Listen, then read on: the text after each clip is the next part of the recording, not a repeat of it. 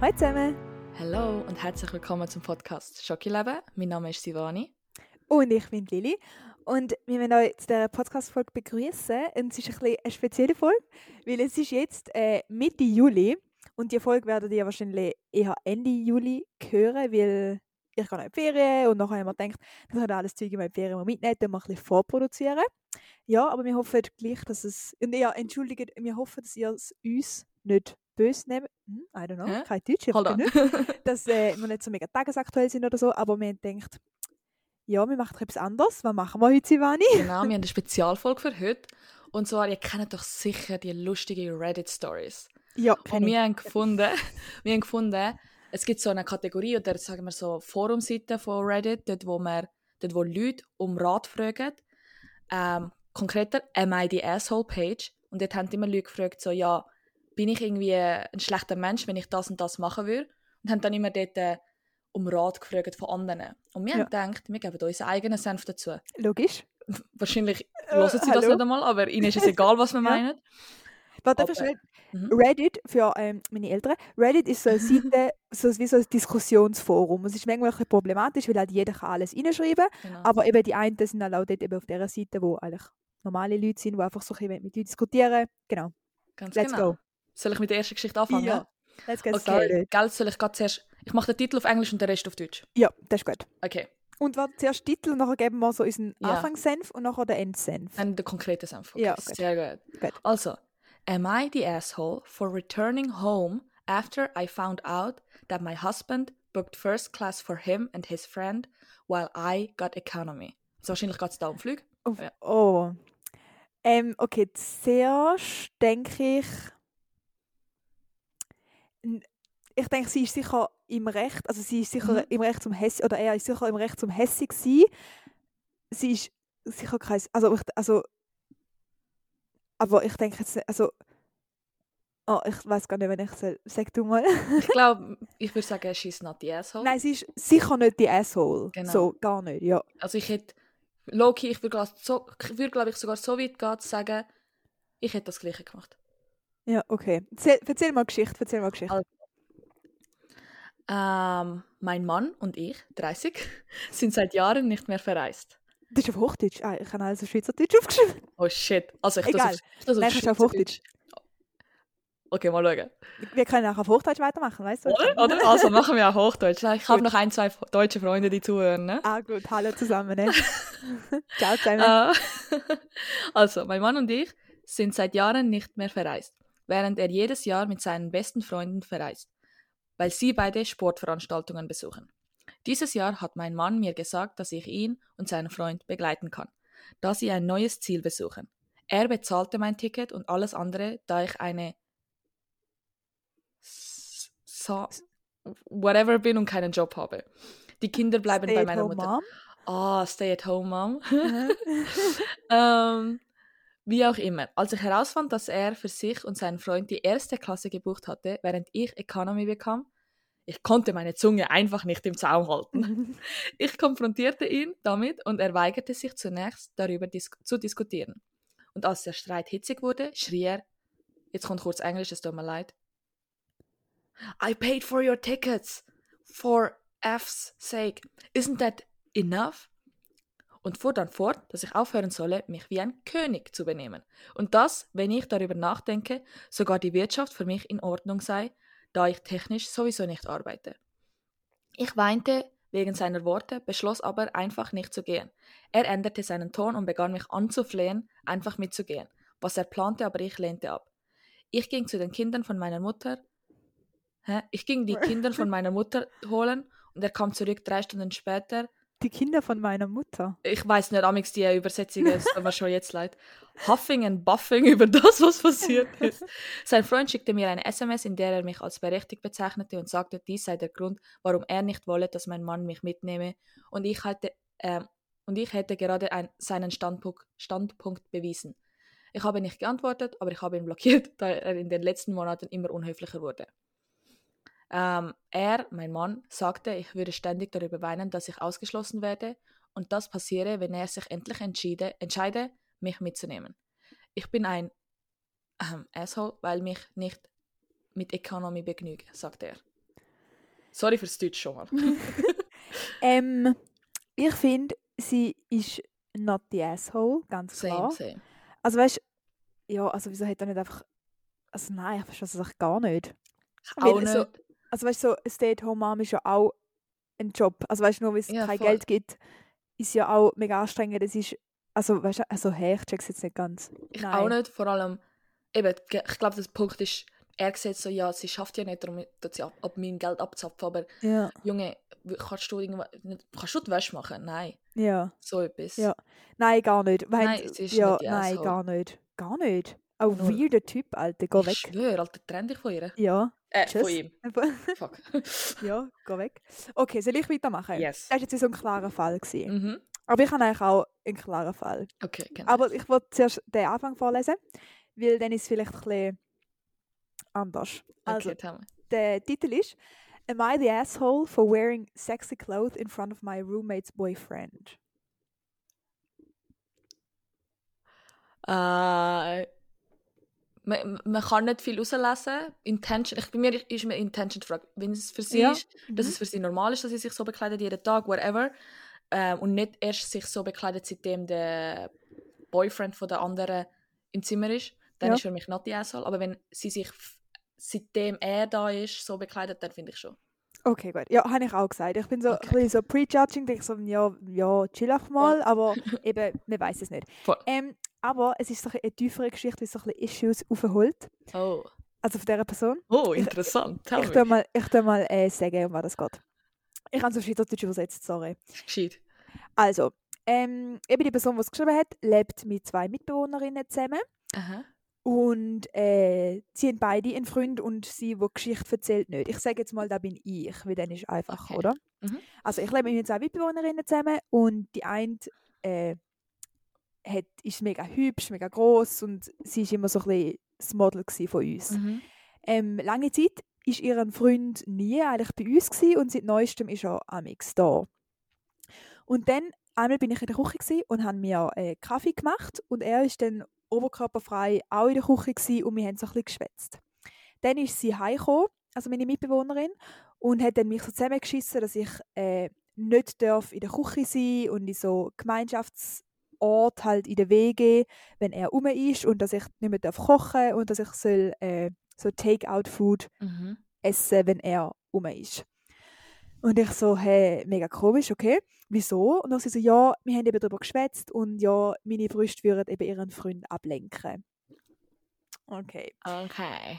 Und dann habe ich das auch gemacht. Ich habe äh, ab dort etwa so eine Woche lang immer bestellt und Takeout geholt und so und dass ich, bin ich ihnen aus dem Weg gegangen. Mhm. Einmal äh, habe ich Pizza geholt und bin dann halt heimgekommen und dann sind meine Mitbewohnerinnen in der Küche mit ihren Boyfriends und haben dann über mich gelacht, so ja, du nicht immer Pizza essen, du wirst immer dicker und so. Und dann äh, bin ich, I was fuming, ist dann so der nächste Satz.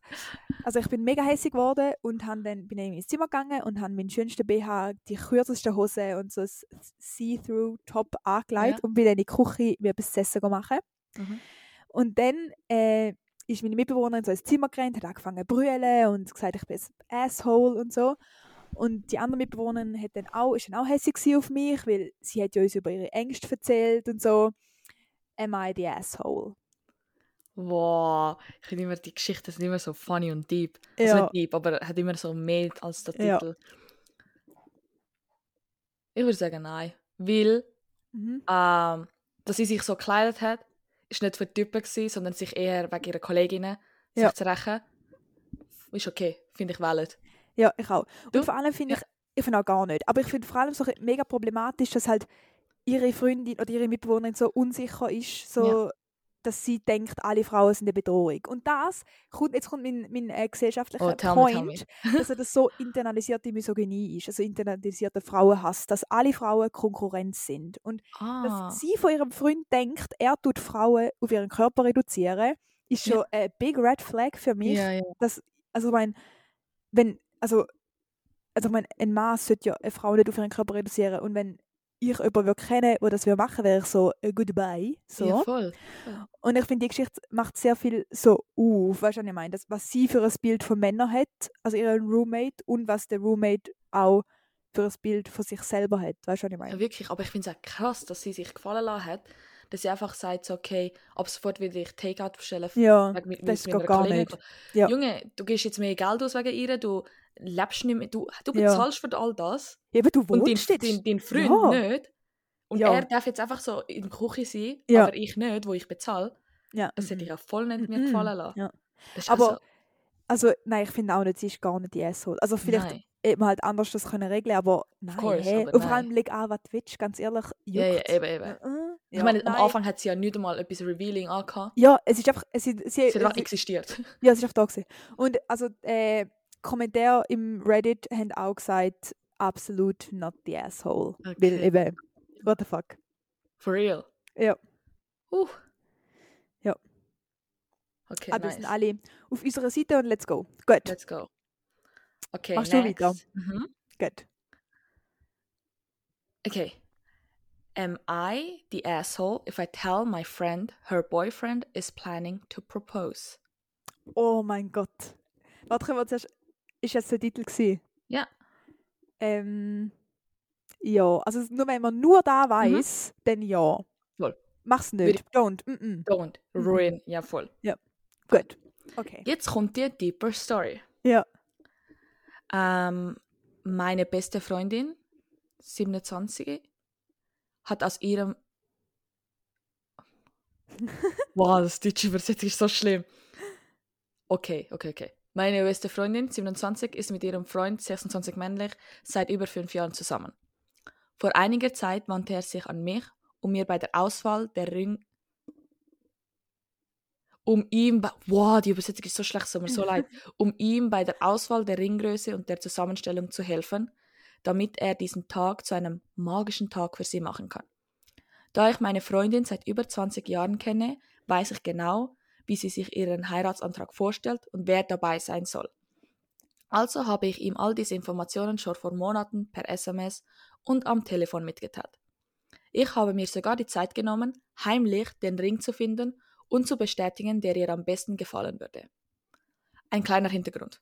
Mein Freund.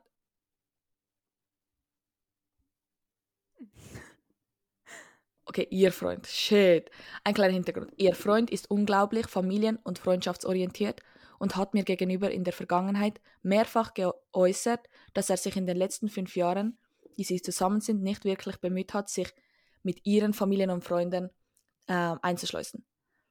Ähm, obwohl ich ihn im Allgemeinen mag, hatte ich immer das Gefühl, dass er unglaublich eigennützig und egozentrisch ist. Vor kurzem habe ich durch einen gemeinsamen Freund herausgefunden, dass er eine Gruppennachricht zwischen seinen, ähm, seinen, also Betonung auf seinen, Freunden und seiner Familie gestartet hat, um die Zeit und das Datum für den Antrag festzulegen. Er hat nicht nur mich ausgeschlossen, sondern er hat ihre ganze Familie und andere enge Freunde, also von der Bridemaid, also Ja. von der, wo Ja. beantragt wird, ähm, komplett ausgeschlossen. Er plant nur seine Jungs und seine Familie zu diesem Anlass einzuladen. Und wie ich äh, meine Freundin kenne, würde es ihr das Herz brechen, diesen Moment nicht mit ihren Lieben teilen zu können. Ich wurde ähm, wütend und rief ihn an. Zuerst wich er meinen Fragen aus, dann sagte er ganz offen, das ist mein Heiratsantrag und ich habe genug Zeit und Geld investiert, um selbst zu entscheiden, wie ich es mache. Ähm, freu dich einfach für deine Freundin.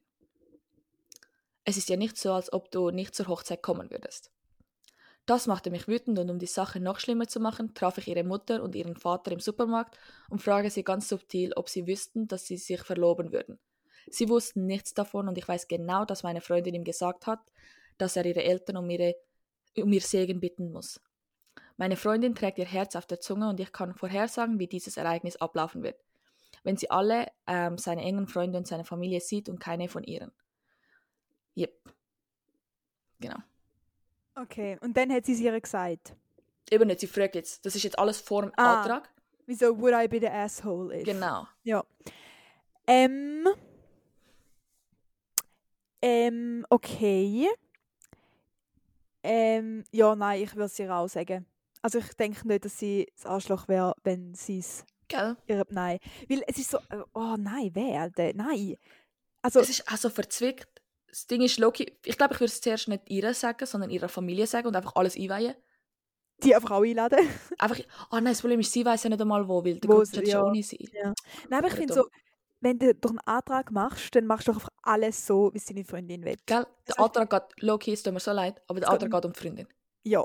Also weißt du, wenn, also, oder einfach um die Person, die den Denen Antrag- du den also, Antrag machst vor. Ja, genau, weil wenn ich, sagen wir, ich sehe einen Ring, den ich mega schön finde Mhm. und der Person, wo ich einen Antrag will machen die findet den hässlich und ich nehme gleich den, weil ich den schön finde. Nein, Ist ja dumm, ja. nein, man nimmt den Ring, wo die andere Person schön findet, wenn ich ihn hässlich finde, nicht mein Ding. Ich muss ihn nicht Voll. anlegen. Voll. Weißt du so. Nein, ich finde, hey, oh mein Gott, nein. Also ich würde es sofort sagen und dann würde ich auch einen Schluss machen. Vielleicht.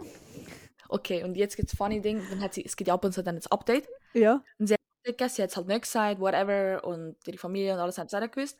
Der Antrag ist passiert Ja. und eigentlich zuerst alles schön und gut. Ähm, er und sie sind zuerst das zweite allein gewesen. Er hat den Antrag gemacht, den Ring gegeben. Ähm, und dann kommen so seine Freunde, seine Familie kommen so aus dem Versteck raus und sagen so, Ja. Überraschung, welcome to our family, Mrs. und dann sein Nachname. Ja.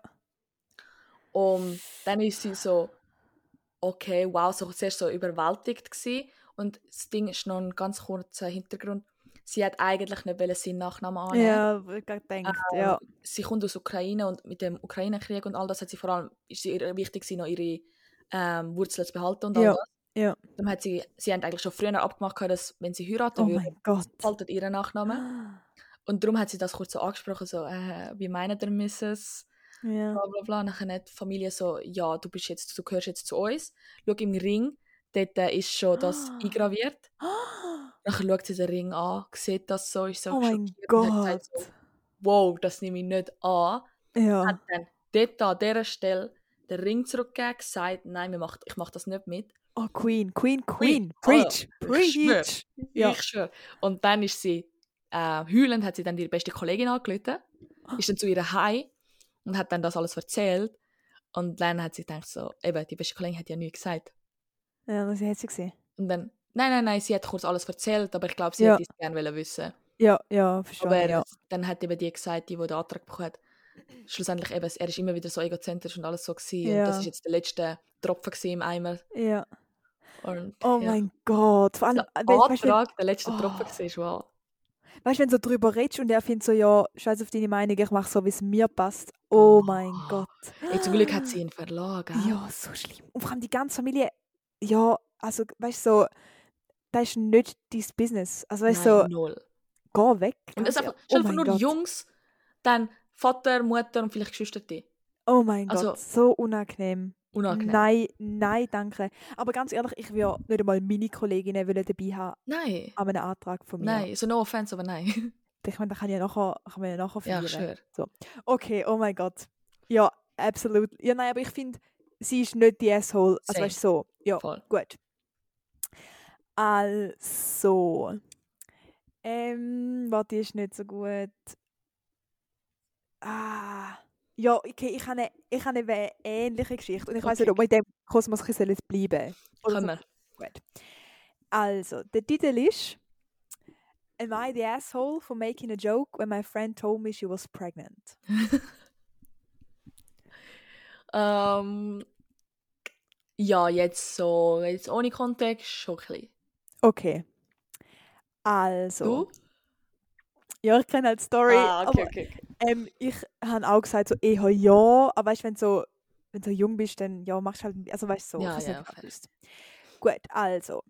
Es sind zwei Freundinnen, eine 31 und eine 29 und die Ältere hat schon mega lang, also vor drei Jahren, schon probiert schwanger werden und Mhm. es ist nicht gegangen. Und die andere will kein Kind und so.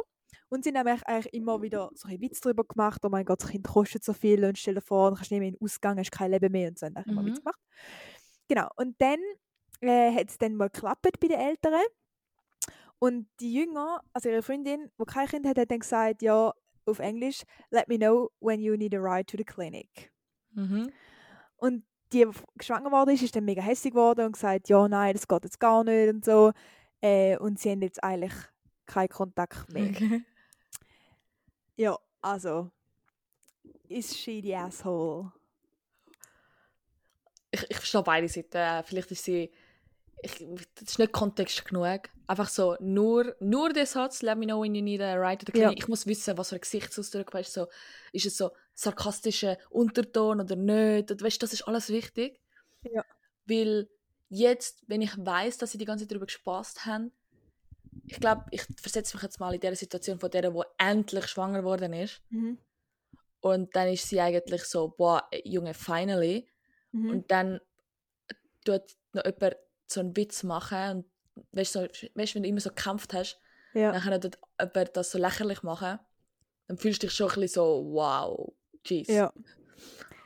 Und in dem Moment würde ich eher wählen, dass zum Beispiel, wenn ich meiner Kollegin, äh, so weird das so sagen jetzt da, äh, wenn ich jemals so verkünden würde meinen Kolleginnen, dass ich schwanger bin, würde ich ja schon eher wählen, so eine freudige, direkt so Ja. ja. Mhm. Reaktion, eher als so eine sarkastische. Darum würde ich sagen, ja, she Ich lese mal schnell einen Kommentar, wo Ja. gestanden ist.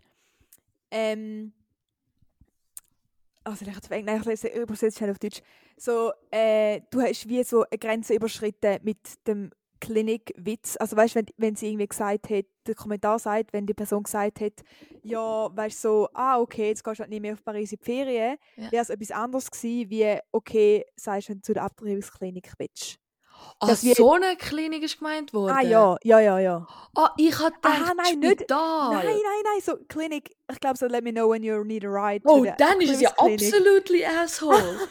Ah, du hast gemeint, aber so ein Spital. ja, weil das ist ah, auch nein, nein, wäre ja nett. Wenn Ja, du sowieso, wenn du einen Untersuch Okay. brauchst, nehme ich mit. Nein, nein, zu der, zu der ja, also Ah nein, das habe ich nicht verstanden. Also, sorry, Entschuldigung, ich nehme alles wieder zurück, was ich gesagt habe. She is the asshole. Ja, eben, eben. Wow. Ich kann, aha, die Klinik. Ja, ja, die Klinik. Und dann hat er eben auch, die Kommentare sagen alle, ja, absolut, Und du? asshole, ja. Ja, Weil ich, also weißt, wenn, wenn du weißt, jemand hat so lange probiert und Ja, dann ja. machst du so einen Witz, Ui, ui, dann ist es so, ein so einfach unabgebracht. Die Also, Klinik. Nein, aber so wie es du verstanden hast, so ja, wenn du ins Spital musst, in, in die Mitte oder so, dann logisch, Mhm. fair, kannst du sagen, also ist ja kein Witz. Aber ja, es ist glaube ich schon Klinik Abtre Abortion Uh, gemeint. Ja, wow. Hm. Wow. Okay, sie ist kein schlechter Mensch, Bitte, I take it back. einfach wieder Karma-Punkte gesammelt. ja, nein, aber ich finde auch ganz sicher, weil ich finde eh schwierig über so pregnant, also Schwangerschaftssachen Witz machen oder allgemein Fragen, nur schon so, ja, wenn, wenn doch Kind oder Ja, weißt so, das geht gar nicht. Nein, weil nein, bei der einen ist halt wirklich so eben, die haben es drei Jahre lang Sind sie- probiert. nein. Ja, Nein, mm -mm. auch nicht fragen, nicht ansprechen, nichts. einfach weg, Nada. Ja, nichts. Das ist nicht, it's not your business. Exactly, Ja. true. Sollen wir noch eine kurze, ganz, ganz kurze Ja. machen? Gut. Hast du eine ganz kurze? Ich tue eine zusammenfassen, Gut. äh, weil ich habe die eigentlich schon lustig gefunden. Also zuerst, am I the asshole? I didn't attend my son's wedding. I instead spent the evening with his ex-wife. Okay. ähm, ich nehme an. Also der Vater in- schreibt das. Was? Der Vater schreibt das. Aha. Ist ein Vater, der schreibt. Er, hat, Er ist nicht zum zur Sohn, sondern zu der Ex-Frau. Sondern hat den, hat den Abend, wo die Hochzeit stattgefunden ist, mit seiner Ex-Frau.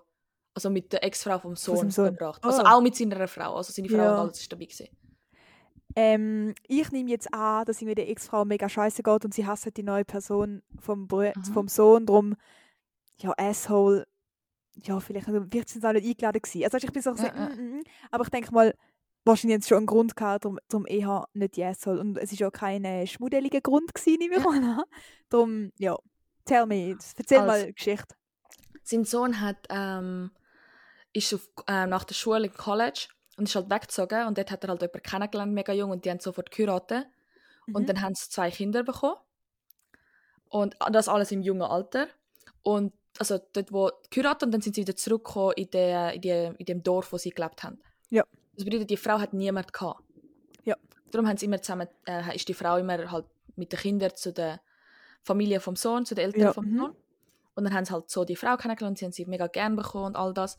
Aber der Vater hat immer wieder gesagt, so, die, sein Sohn ist nicht ähm, erwachsen genug und er sollte zum Beispiel noch nicht heiraten, wenn er zum Beispiel die gewisse Sachen noch nicht kann oder machen will. Und eben, er hat seinen Sohn nicht reif gefunden. Und dann haben sie sich ähm, getrennt, die Frau und der Sohn. Und ähm, halt die Frau mit den zwei Kindern hat den Sohn einfach allein gelassen. Ein Monat später hat er die Hochzeit mit einer neuen Frau verkündet. Und das hat seinem Vater halt überhaupt nicht gefallen. Weil eben, er hat schon von Anfang an gesagt, Junge, du bist nicht reif genug für das Heiraten, jetzt machst du so einen Mhm. Scheiß. Ja. Und vor allem, du lässt jetzt einfach deine Frau, deine Ex-Frau, allein in einem Ort, wo sie sich nicht auskennt mit Kindern, mit Babys. Ja. Und ähm, auch wenn die neue Frau zum Beispiel eine gute Person ist, whatever, du kannst das nicht zu deiner alten Frau machen. Mhm. Ähm, und die alte Frau hat nichts davon gewusst und so Zeug. Und darum hat er dann gesagt, weißt du was, ich gehe jetzt nicht an die Hochzeit von der neuen Frau. Ich schaue jetzt, äh, ich passe jetzt auf die Kinder auf zusammen mit, der, mit meiner Frau und der Ex-Frau vom Sohn. Ja. Genau, und Okay, also ich muss sagen, also ich finde nicht die Asshole, Ja. eigentlich nicht, aber ich finde auch als Eltern musst du wie dein Kind so ein bisschen auf seinem Weg ein bisschen machen. Also weißt, Ja. wenn meine Kinder oder sich wieder trennen von einem Ex-Partner, den ich mega gerne hatte, Ja.